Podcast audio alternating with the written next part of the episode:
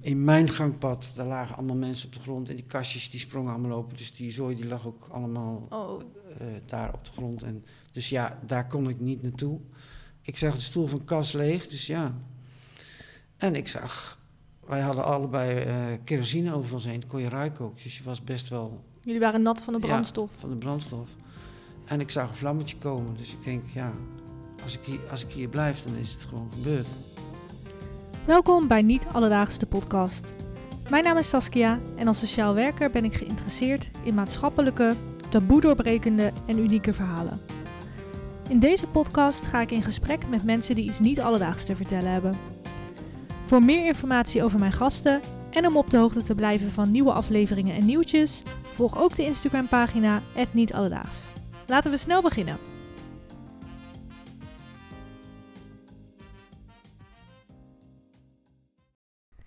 Vandaag in de podcast is Ad te gast. Hij is getuige van een grote vliegtuigramp die plaatsvond op 21 december 1992. Het ging om een vliegtuig van de Nederlandse maatschappij Martin Air die tijdens de landing neerstortte op de luchthaven van Faro in Portugal. 56 mensen kwamen om het leven en 100 mensen raakten zwaar gewond. Hoe heeft dit kunnen gebeuren? En hoe heeft Ad dit ervaren? Ook in de periode erna wordt hij binnen vier maanden nog twee keer geconfronteerd met een bijna doodervaring. Ad, hartelijk welkom. Dankjewel, Saskia. Bedankt dat je je verhaal wil doen bij Niet Alledaags. Wat een super heftig verhaal, een, eh, een vliegtuigramp. Eh, ja, eh, het is natuurlijk al lang geleden, dus je moet echt weer even teruggaan in je gedachten van, goh, daar hebben we het over gehad, wanneer was het precies gebeurd en hoe is het ontstaan? Ja, hoe heb ik het ervaren? Nou, eh, zoiets, je verwacht het natuurlijk niet. Ik zat met mijn broer in het vliegtuig, we gingen, zouden naar Faro gaan en hij had nog nooit gevlogen, ik eh, twee keer voor mijn werk. Ja, want na- even naar Faro vlogen jullie vanaf Amsterdam? Of, eh, van... Eh, ja, vanaf Amsterdam, ja. En het is een, eh, jullie zaten in een heel groot vliegtuig. Ja. Ik eh, las dat er ehm, 495 eh, inzittenden waren. Klopt. Ehm, een groot vliegtuig. Wat gingen jullie doen in, eh, in Portugal? Wat was het plan? Het plan was om even gewoon een weekje eruit te gaan. ik had toen vakantie en Cas he- heeft zijn eigen bedrijf, zijn schildersbedrijf. En die vond het fijn om met de kerst even eruit te gaan. Dus ik zei, goh, ik kan een vlucht boeken, zo gaat het dan, hè? Ja, Dat was toen, want we spreken over 30 jaar eh, terug. ja, Was toen denk ik toch ook wel anders dan nu met eh, vliegen. Nu vliegt iedereen zomaar naartoe voor een paar ja, tientjes. ja, eh, ja, precies. zit je in Zuid-Europa of waar dan ook. ja. Maar toen was dat wel anders.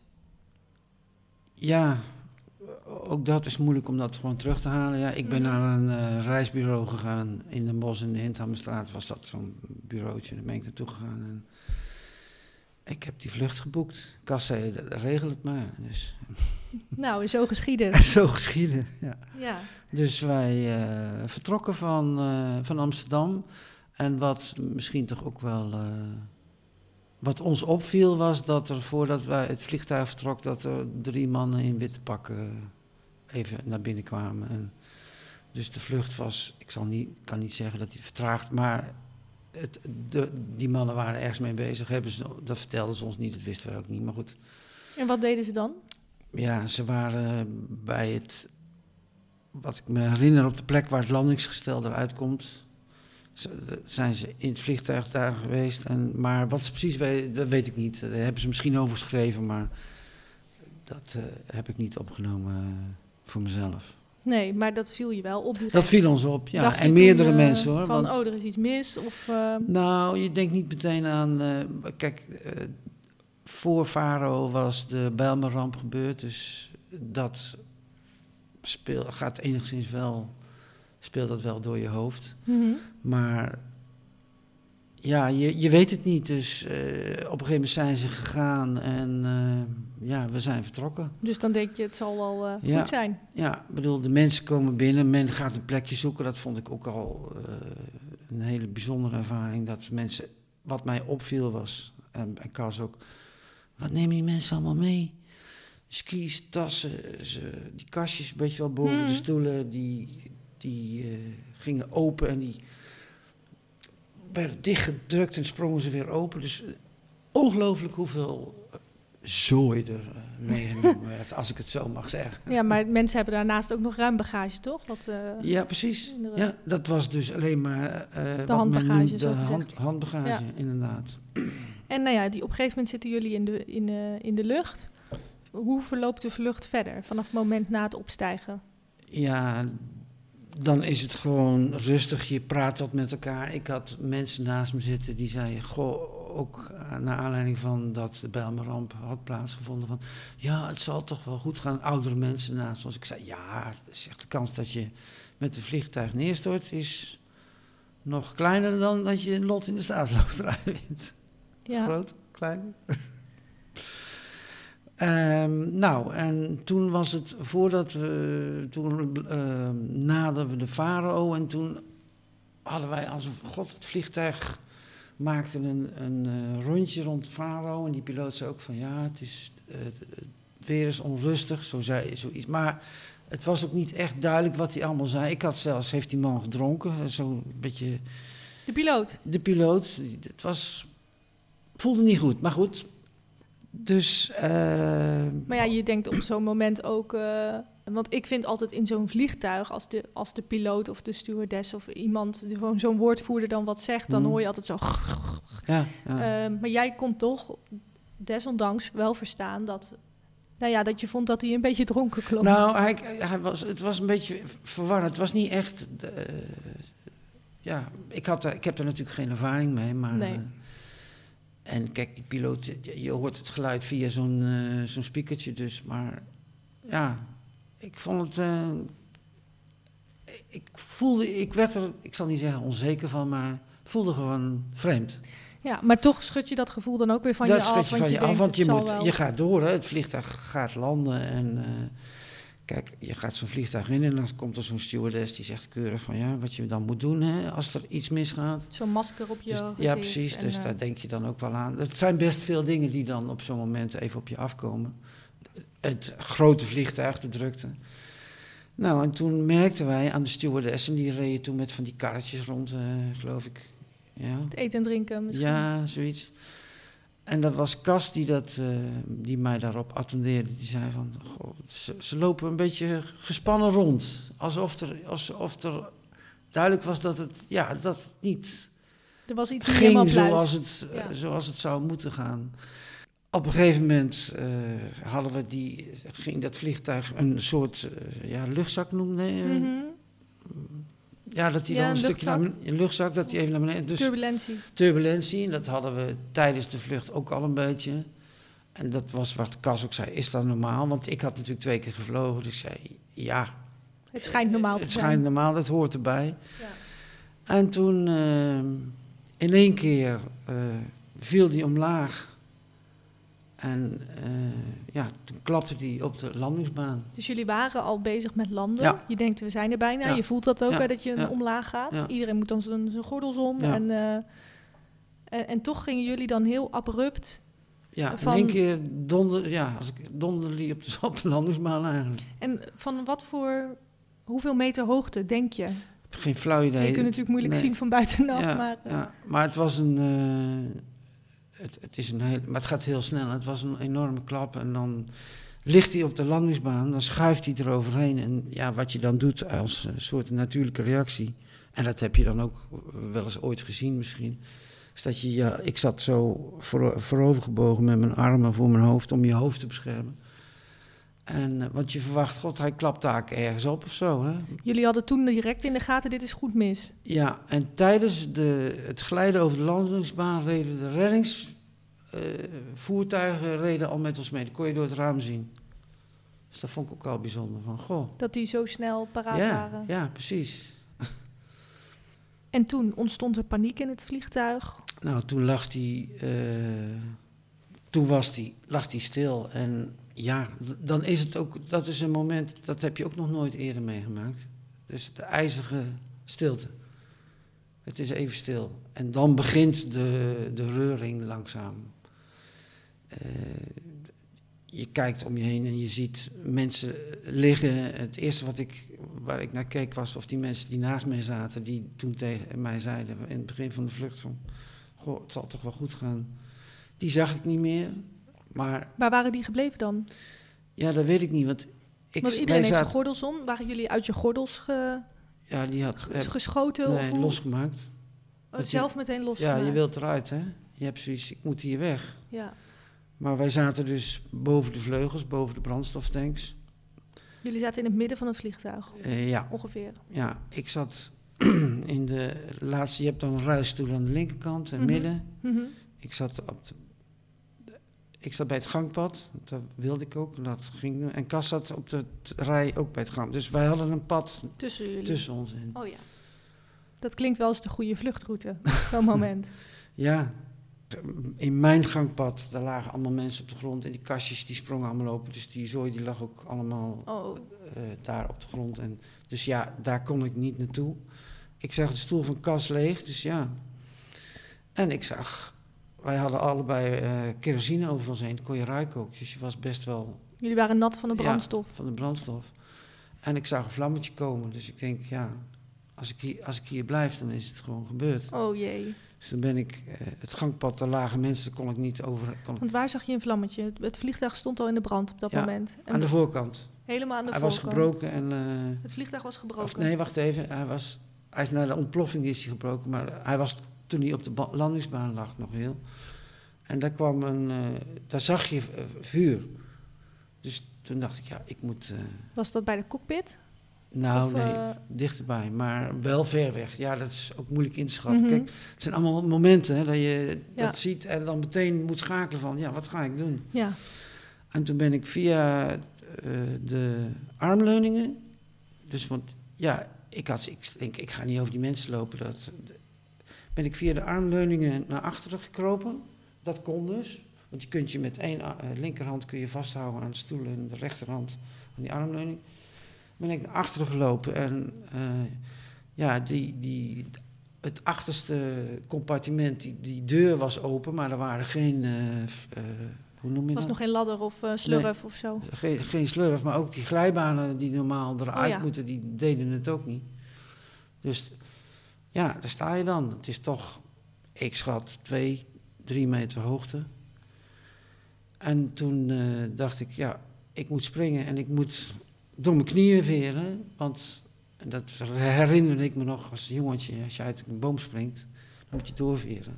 Want anders breek je, Anders breek je je knieën ja, of je of enkels. je enkels. Ja. En dat heb ik gedaan en dat lukte. Dus ik kwam op de grond en toen werd ik door die druk werd ik wel, viel ik wel om, maar dat, dat ging goed. Ja, dan sta je daar. Waren meer mensen gesprongen? Daar niet. Nee, nee. Nee, want heel die rij was vol met mensen. En eh, ja, ik heb daar geen mensen, misschien na mij. eh, voor mij zeker niet, want dan had ik het moeten zien. Hè, dat er, eh, want ik had verder ook, toen ik er, daar op de grond lag, zag ik daar verder niemand. toen dacht ik, ja, maar mijn broertje zit nog in, is nog in het vliegtuig. Ik moet terug. Hoe oud waren jij en je broer ten tijde van de, de vliegtuigramp? Ik was, eh, Het was 30 jaar geleden. 36. 36. En jouw broer? Cas is van 63, dus die was. die is nou, Cas was 30. 30. Ja. Ja, oké. Nou, maar goed, daar sta je dan. En toen eh, ben ik, dacht ik in paniek, Cas, Cas, ben ik heel hard gaan roepen. Alvorens ik dacht van ja, ik moet terug. Maar ik denk, ik ga eerst nog kijken of die op mijn eh, geroep afkomt. En jawel hoor, in, eh, op een gegeven moment stond daar twee meter, hij is twee meter, de jongste van onze familie. Stond, kwam die aangelopen, daar stond hij. En eh, ja. Cas was er ook uitgesprongen. Cas was via de andere kant, was het hem ook gelukt om uit het vliegtuig te komen. Godzijdank. Ja, precies. En dat is ook een moment, ja, dat is niet te beschrijven wat dat dan met je doet. En toen eh, hebben we, Probeer het eens. Wat voel je dan? ja, je gelooft het niet. Je denkt, hè, hoe kan dat nou? Maar je gelooft niet dat je, dat je hem ziet? Of je Ja. gelooft niet wat je net is overkomen? Nou, beide. Maar je bent op dat moment, eh, je bent alleen nog bezig met, ik moet uit het vliegtuig komen Mhm. en hoe, waar is hij? Waar, waar- waar- je wilt dat niet alleen overleven. Ja, klinkt gek, maar dat is wel de realiteit.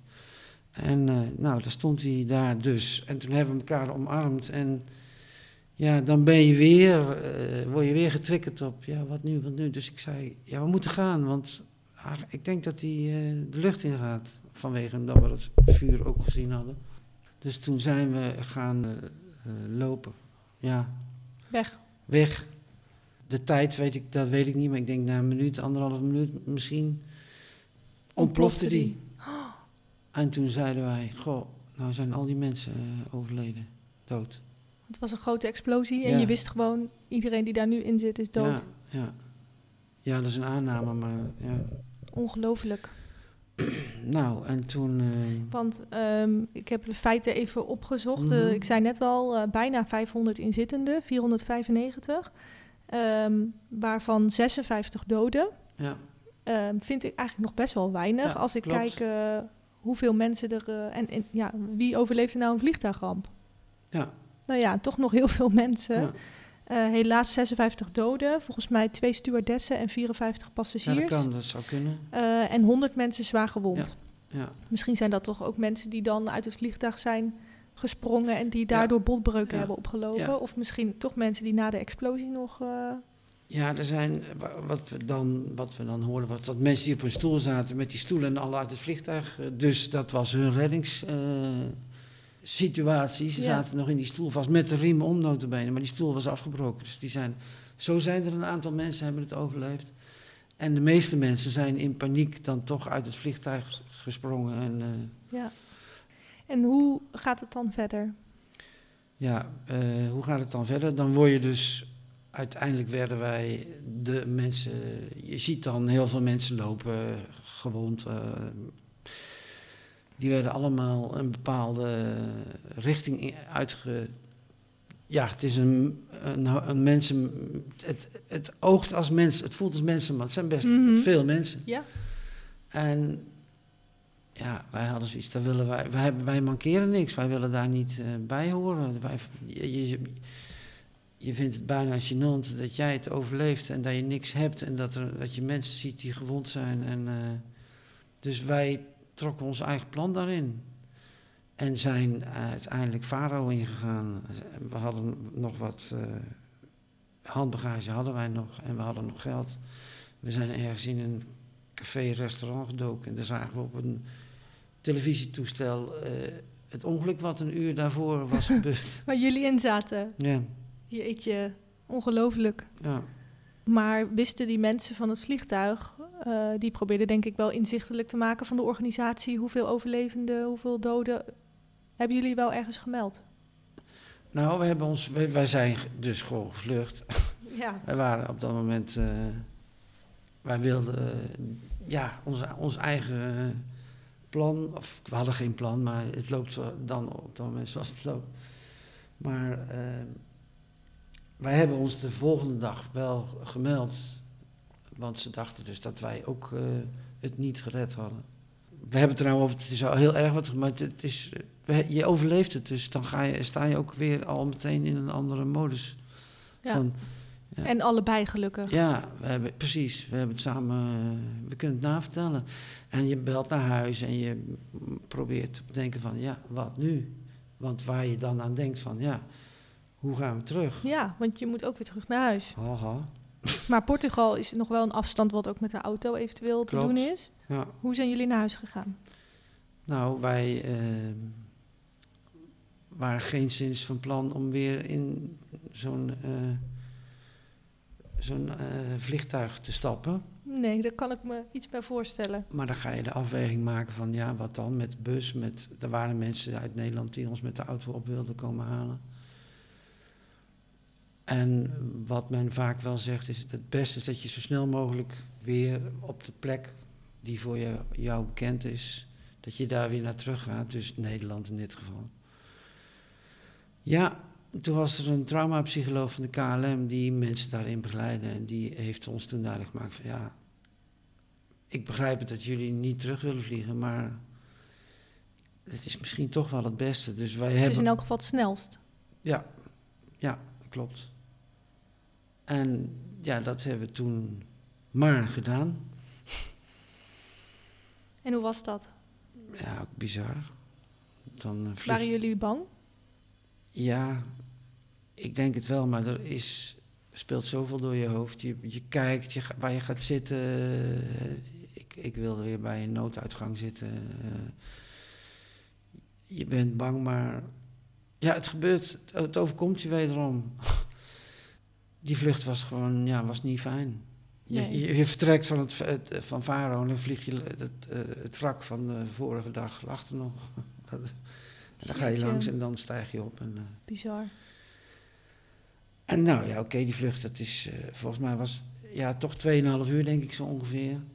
Uh, nou, dan kom je in, op Schiphol aan en dan uh, is de pers daar die je graag wil spreken. En er zijn heel veel mensen. En ja, dan beland je wederom weer in een ander circus. En je bent dan terug in Nederland. Ja, want het was een, inderdaad een enorm mediaspectakel. Ja, ja. Jullie hebben je daar bewust wat afzijdig van ja, gehouden. Ja, ja. En waarom?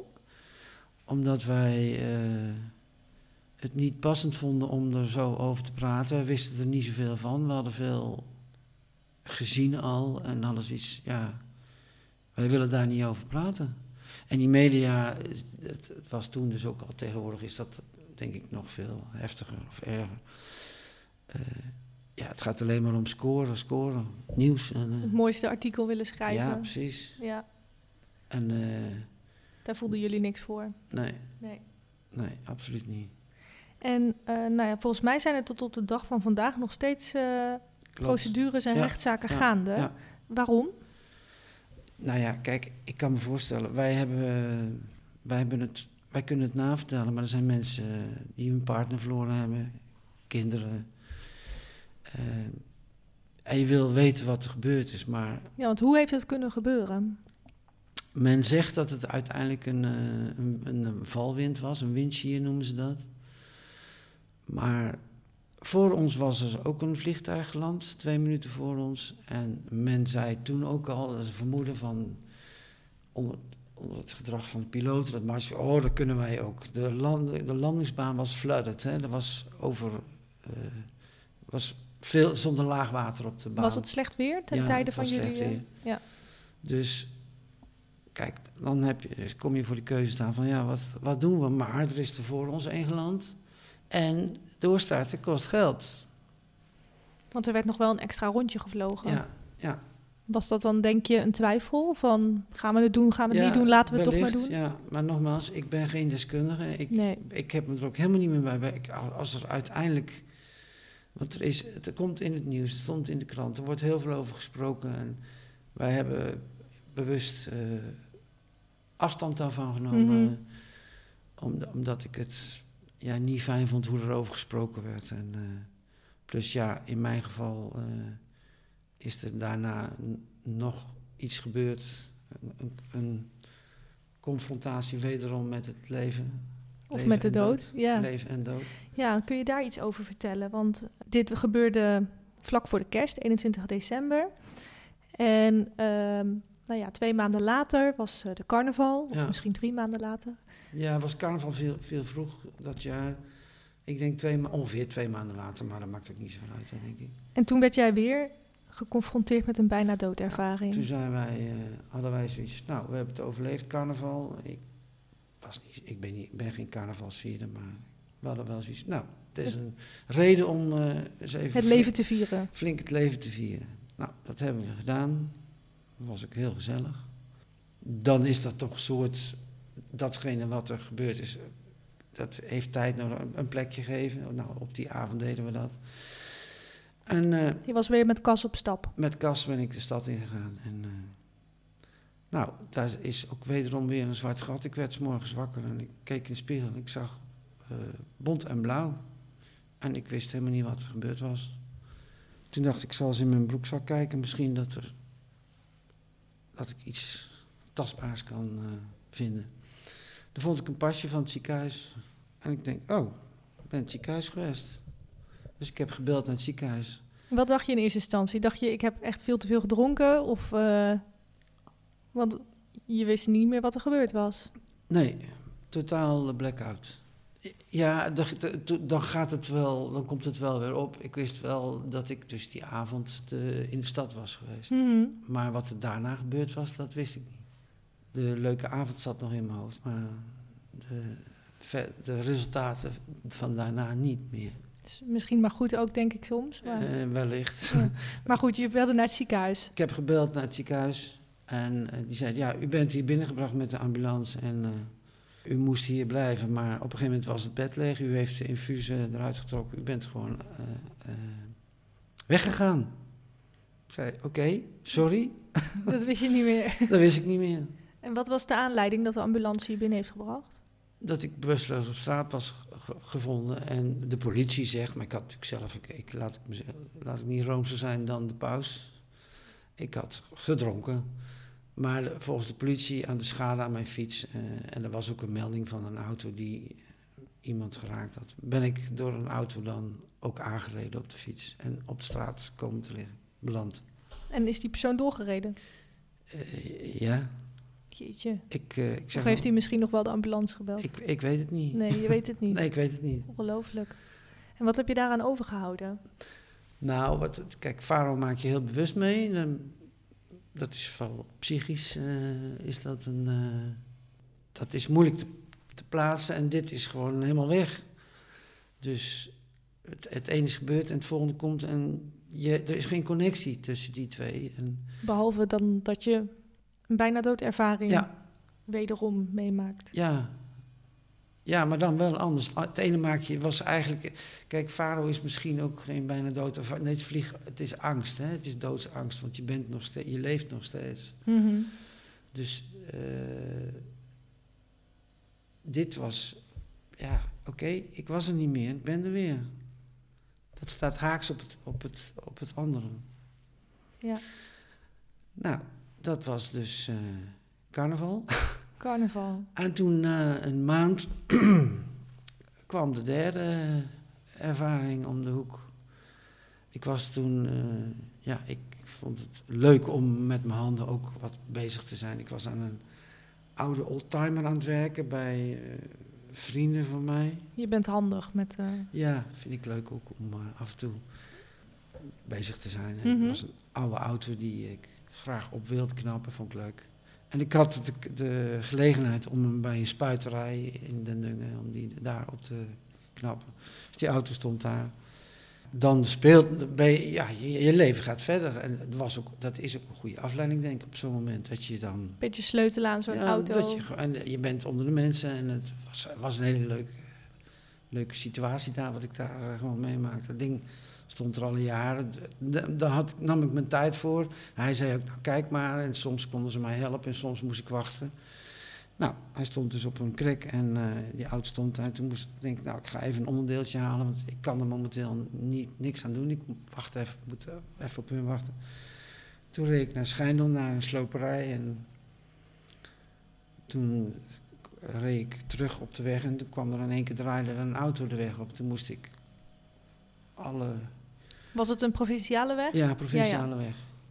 Die lette dus niet goed op. Toen moest ik alles uithalen om hem te ontwijken en bomen te ontwijken. Het, het, het was bij- bijna een frontale botsing. En toen kwam ik eh, bij de mensen aan weer waar die auto stond. En toen zei ik, goh, nou, het houdt niet op. Eh, ik had net bijna een Bijna botsing. heftig, heftig ongeluk. Maar goed, je gaat verder. Je drinkt een kopje koffie, rookt een sigaretje. En eh, toen ging ik eh, verder met die auto. En ik ging eronder liggen op mijn kant. En eh, ik moest een gat boren om een smeernippel op de as te zetten van de vering. En ik lig eronder en ik boor en pats. Hij klapt van de krik af. De auto Ja. klapt van de krik Ja. af.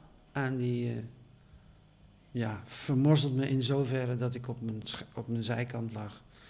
En de ruimte bij die wagen, die heeft een hydraulische vering. Die, hij, hij ligt heel laag, dus echt eh, dit stukje zo ongeveer, wat is het, 20, 15 centimeter. mhm. Die, eh hij donderde naar beneden. Op jou. Ja, En hoe zwaar is zo'n auto? ehm Even voor de 15, beeldvorming. 1600 kilo. En aan de voorkant is hij heel zwaar. Dus die drukte me eigenlijk plat. En toen eh, weet ik nog wel dat ik... eh, toen hoorde ik ze hun nog, de mensen nog aan die auto proberen. Maar hij was te zwaar. Gelukkig was je niet alleen. Nee, daar. nee, precies. Ja, er waren mensen die hoorden, die hoorden mij dus wel eh, kennelijk roepen of, eh, dat, in de eerste instantie. Maar dat weet je ook allemaal niet. Hè? Dat, zijn allemaal, dat gaat allemaal heel snel. Nou, het ging het lampje uit. De tunnel en het licht bestaat, dat heb ik uh, gewoon meegemaakt. En op een gegeven moment. Want hoe heb je dat ervaren, dat moment? Nou, dat het, ik hoorde hun de pogingen van, nou, dit gaat. Je, je maakt je inschatting, nou, het gaat, dit, ik kan er niet onderuit. Ik, ik, ik, ben, ik zit in de val. Dus dat besef je op het moment dat je daaronder ligt en zie je jezelf dan van buiten, van bovenaf of uh, hoe? Ja, je ligt eronder en je, ja, het, het, is, het wordt steeds kleiner en het wordt donker. En dan geef je je over. En uh, op een gegeven moment werd het weer licht. En kroop ik zelf. En hoe dat kan, weet ik niet. Maar dat hoorde ik van de mensen die, erom, die daar dus mee bezig waren. Kroop ik zelf langzaam onderuit. Die zoon van uh, de man van, waar het bedrijf van was, die heeft een staaf gepakt. Uh, en onder die auto gestoten. En de auto alleen, ongelooflijk hoor. Maar uh, dan heb je kennelijk zoveel adrenaline heeft hij die auto opgetild. 1500 kilo? Ja. Of in elk geval de voorkant? Ja, de voorkant. Van, uh, ja. Maar goed, misschien is 700 kilo geweest, weet ik niet. Ja, nou in elk geval ontzettend zwaar. En ja. iets wat je toen, normaal gesproken deed... niet zou kunnen tillen. Nee, nee. En toen uh, kroop ik er dus onderuit. Hij deed het. Het werd licht. Met een doorboorde long en uh, sleutelbenen gebroken. En mijn, mijn schouders waren dubbel geklapt. En zat Aan de voorkant, zeg maar. Je, ja. ja. je schouders waren eigenlijk alsof je op je zij ja. Ja. Uh, in elkaar ik. gedrukt. Ja. Jeetje mina. en toen? Ja, toen was ik, goh, ik ben er nog. Voor de derde keer? Voor de derde keer. Ja, toen hebben zij een uh, ambulance ge, want ik had wel ademnood natuurlijk. Adem was moeilijk en... Uh, toen is de ambulance heeft mij opgehaald. Toen zijn ze met een hele lage snelheid, omdat ik uh, die klapjes, die klappen van de vering, uh, als je hard rijdt, zijn ze naar het ziekenhuis gereden. Zeiden ze ook, ja, we rijden heel rustig, want het is, het is anders niet te houden voor jou. En toen heb ik een week in het ziekenhuis gelegen en toen ben ik weer naar huis gegaan en hersteld. Langzaam, dat heeft ook wel een tijd geduurd, maar... Ongelooflijk. Ja. Want uh, wij hebben dit verhaal al wel wat voorbesproken. En toen zei ik al, jee, wat, wat heb jij een pech gehad. Dat je toch in een half jaar tijd, of eigenlijk korter, vier ja. maanden volgens mij... zoveel heftige dingen meemaakt ja. die sommige mensen in hun leven niet uh, meemaken. Of de meeste, dan wie maakt er nou een vliegramp mee? En toen zei jij, en dat vond ik heel mooi... toen zei jij, nee, ik heb juist heel veel geluk gehad. Kun je dat eens uitleggen? Ja, kijk, er overkomt je iets dan ga je daar natuurlijk over nadenken. Maar je realiseert je wel van, maar, ik ben er nog, oké. Uh, je bent verward, je krijgt heel veel reacties van mensen, goede reacties, maar ook dat je denkt van... Pff, toen Faro net gebeurd was, stond Mar Martine gelijk klaar met de geldbuidels. Iedereen kreeg in één keer 10.000 schuld, terwijl er nog helemaal niet duidelijk was van wat er gebeurd was. Uh, dus daar hadden wij ook als iets, huh? wat vreemd, maar goed. Alsof ze daar een soort schuld mee bekennen? Juist, ja. ja. Nou, willen afkopen. Dan heb je grapje als die zeggen, nou, maar als dit in Amerika was gebeurd, waren jullie miljonair geweest? Ja, en? Fijn, miljonair. En dan? Je komt erachter dat uh, het heel belangrijk, vond ik heel belangrijk, dat je, als je het kunt delen met mensen. Hè. Ik kwam op mijn werk, ik werkte toen op het Tete Dove Instituut, maar die hebben hun naam een paar keer veranderd via taal. En nog een keer, maar goed, ik werkte daar toen. En toen merkte ik de afstand die er was voor de mensen ook om mij te benaderen. Dus toen dacht ik, wacht, uh, ik vind het zelf belangrijk om het te delen met mensen. Dan leg je toch een soort bruggetje over en vice versa. Dan heb je die starende blikken niet meer. Precies. En je voelt, je, want je voelt gewoon, goh, zij, zit, zij kunnen het ook niet plaatsen. En het is voor hun ook ongemakkelijk, maar voor mij ook. En ik wil, je wil het liefst zo snel mogelijk weer terug in, je oude, in de oude situatie zoals het was. Me realiseren, dat kan natuurlijk niet, maar dat uh, is, is wel wat je wil. Is wat ik wil en wat ook gebeurd is. En wat je dan, uh, dat is gewoon een, een, je komt in een nieuwe fase van je leven. Het wordt steeds duidelijker hoe betrekkelijk het leven is. En hoe makkelijk mensen dan zichzelf eh, in de slachtofferrol praten van... Maar het gaat gewoon verder en het is juist mooi. En als je het kunt delen en erachter komt op je, om vanuit jezelf dingen te doen... Tegenwoordig hebben we overal hulp eh, voor. eh, en ik denk, ja, als je het uiteindelijk zelf kunt, ja, dat is- is voor mij het beste. Niet iedereen kan dat wellicht, maar Mhm. Het heeft jou juist in je kracht gezet. ja, Deze- ja, ja, In, in plaats van dat je, hebt, dat je ernaar kijkt met, met veel verdriet en eh, waarom moet mij dit overkomen Mhm, en, en het, ja. het slachtoffergevoel, mhm. slachtofferrol. ehm, heb je het juist omgedraaid en van wow, Ja. wat heb ik een geluk Ja. dat ik dit allemaal heb mogen overleven. ja, nee, precies. Zo, ja. Zo, zo, zo is het eigenlijk. eh, Nou, prachtig dat je die kracht hebt gevonden om er zo naar te kijken. En eh, dat je die blik op het leven daarmee... eh, ja, dat is ook een stuk rijkdom wat ik gekregen heb, denk ik. eh, Ja, want door niet deze iedereen kan dit ook natuurlijk. Nee, door, deze, door dit zo te hebben ervaren. En eh, je gaat op een andere manier naar de wereld kijken om je heen. Hoe mensen zich gedragen. En als we nou kijken naar deze tijd, het draait heel veel om ik, ik, ik en geld. En ja, het eh, geluk zit, het, de rijkdom zit in je hart. en niet in wat je allemaal hebt. Nou, dat vind ik eh, een prachtige zin om eh, ja, je dit prachtige verhaal mee af te sluiten. Heel erg bedankt daarvoor. We hebben ehm, nog een laatste kleine rubriek, de tas van Sas. Ik eh, Mhm. pak hem er even bij. Dit is hem, de tas van Sas. Daar zit voor jou iets in, Oh, ik krijg kippenvel. Cadeautje. een kleinigheidje. Ja. Ehm, en er zitten een aantal dilemma's in. Van Dilemma op dinsdag, wat Mhm. kaartjes. En eh, ik zou jou willen vragen of je twee kaartjes zou willen grabbelen. Eh, en daar staan dan twee stellingen op. Ja, ik ga hem even uitpakken. Oh ja, dit is, Oh. Het, dit is het lekkers voor jou. Oké. nou, mooi. Dankjewel En- ook, hè. Ja, alsjeblieft. Jij bedankt. Dilemma op dinsdag.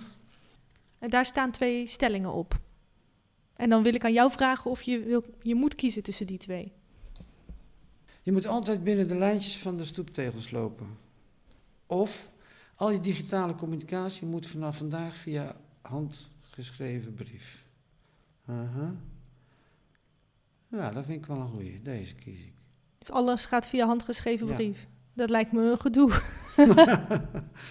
Nou, maar eh, als ik nou lees, je moet... Kijk, ik heb wel iets tegen moet. Ik weet niet waar dat vandaan komt, maar als ik iets moet, dan is het toch al, komt toch al bij mij van, hoezo moet ik? Ja, je bent lekker met pensioen. Mag ik het zelf bepalen? Dus eh, ja, precies. Je hoeft ook niks meer. Je moet niks meer. Nee, is oké. Dus dit is misschien wel het makkelijkste dan. Of je moet nooit over de stoep lopen. Dat kan ook. Mhm. Ja, daar ontkom je niet Nee. aan. Dus het wordt de communicatie via handgeschreven brief. Ja, maar jij brengt me nou weer aan twijfelen. want Ja. dat is- maar dat ontstaat omdat alles is tegenwoordig digitaal. En ik vind nog steeds... Soms schrijf ik wel eens even iets met de hand. Ehm, ja, dat spreekt mij toch ook wel aan. Ik vind die digitalisering gaat heel snel. En het is op een gegeven, op een gegeven moment eh, overzie je het ook allemaal niet meer. hè? Nee, maar ook daar ontkom je niet aan. Nee. Maar dan. Goh, ja, ik. Nou moet ik een keuze maken. Ja, Dat vind ik moet. heel moeilijk. Ja. Nou, die, ik, weet je, ik heb eh, dus problemen met moeten. Alle digitale communicatie, communicatie moet.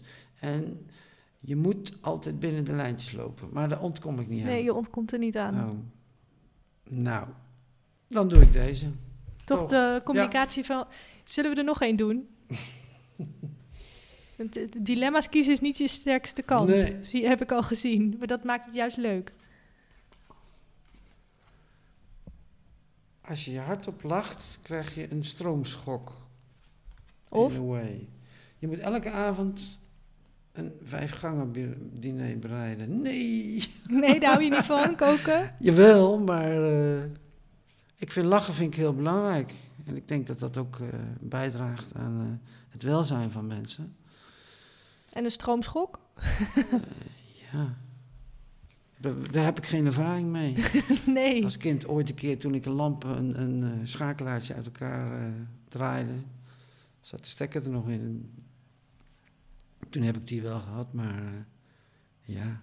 allemaal heel bijzonder wat hier op tafel ligt. nou hè. Ja, en het mo- moeilijkste is, je moet kiezen. De stroomschok of, eh, of het vijfgangen menu. Ja, ik wil, wel, als ik dan hard, als ik moet kiezen tussen, eh, ik eh, lach een keertje hardop, dan is me dat wel een stroomschok waard. Maar het is altijd als je hardop lacht. Oh, dat staat er niet bij. Nee? ja, ik zou denk ik toch voor het vijfgangen menu gaan in deze. uiterste, ja, dat is misschien wel makkelijk. Want Dan dan, eet je wel lekker klaar. Ja. Dan eet je ook gewoon eh, ja, lekker. dit blijft en dit blijft. Het is altijd binnen de lijntjes lopen van de stoep. Te, ja. nou, oké, dan gaan we hiervoor. Jij, over, jij overtuigt me. Oké, nou altijd heel erg bedankt eh, voor je tijd. Jij ook. En voor je heftige verhaal, maar ook voor je positiviteit. Ik hoop dat eh, als mensen dit luisteren, dat, eh, dat het wellicht wat eh, herkenning op, oproept bij sommigen. eh, dat ze misschien een lotgenoot vinden in jou.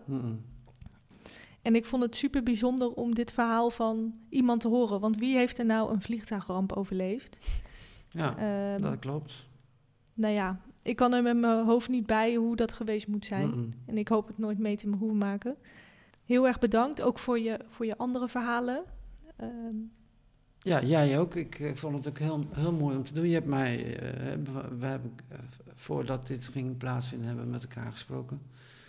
En nou ja, wat ik heel mooi vind, je, je kunt het delen en kijken wat je voor elkaar kunt betekenen in deze wereld. En is dit een prachtige eh, opstap voor. En, eh, wellicht heeft het nog een, op een andere manier een gevolg, hebben we het ook over gehad. En ik, eh, ik wil je er ook heel erg voor bedanken, nou, Saskia. geen dank. en bedankt voor het luisteren. Oké. Dit was hem dan. Niet alledaagse podcast. Laat me weten wat je van de aflevering vond. En vergeet vooral niet om me te volgen op Instagram, zodat je altijd meteen op de hoogte bent als er weer een nieuwe aflevering online komt. Super bedankt voor het luisteren en tot de volgende keer. Doei doei!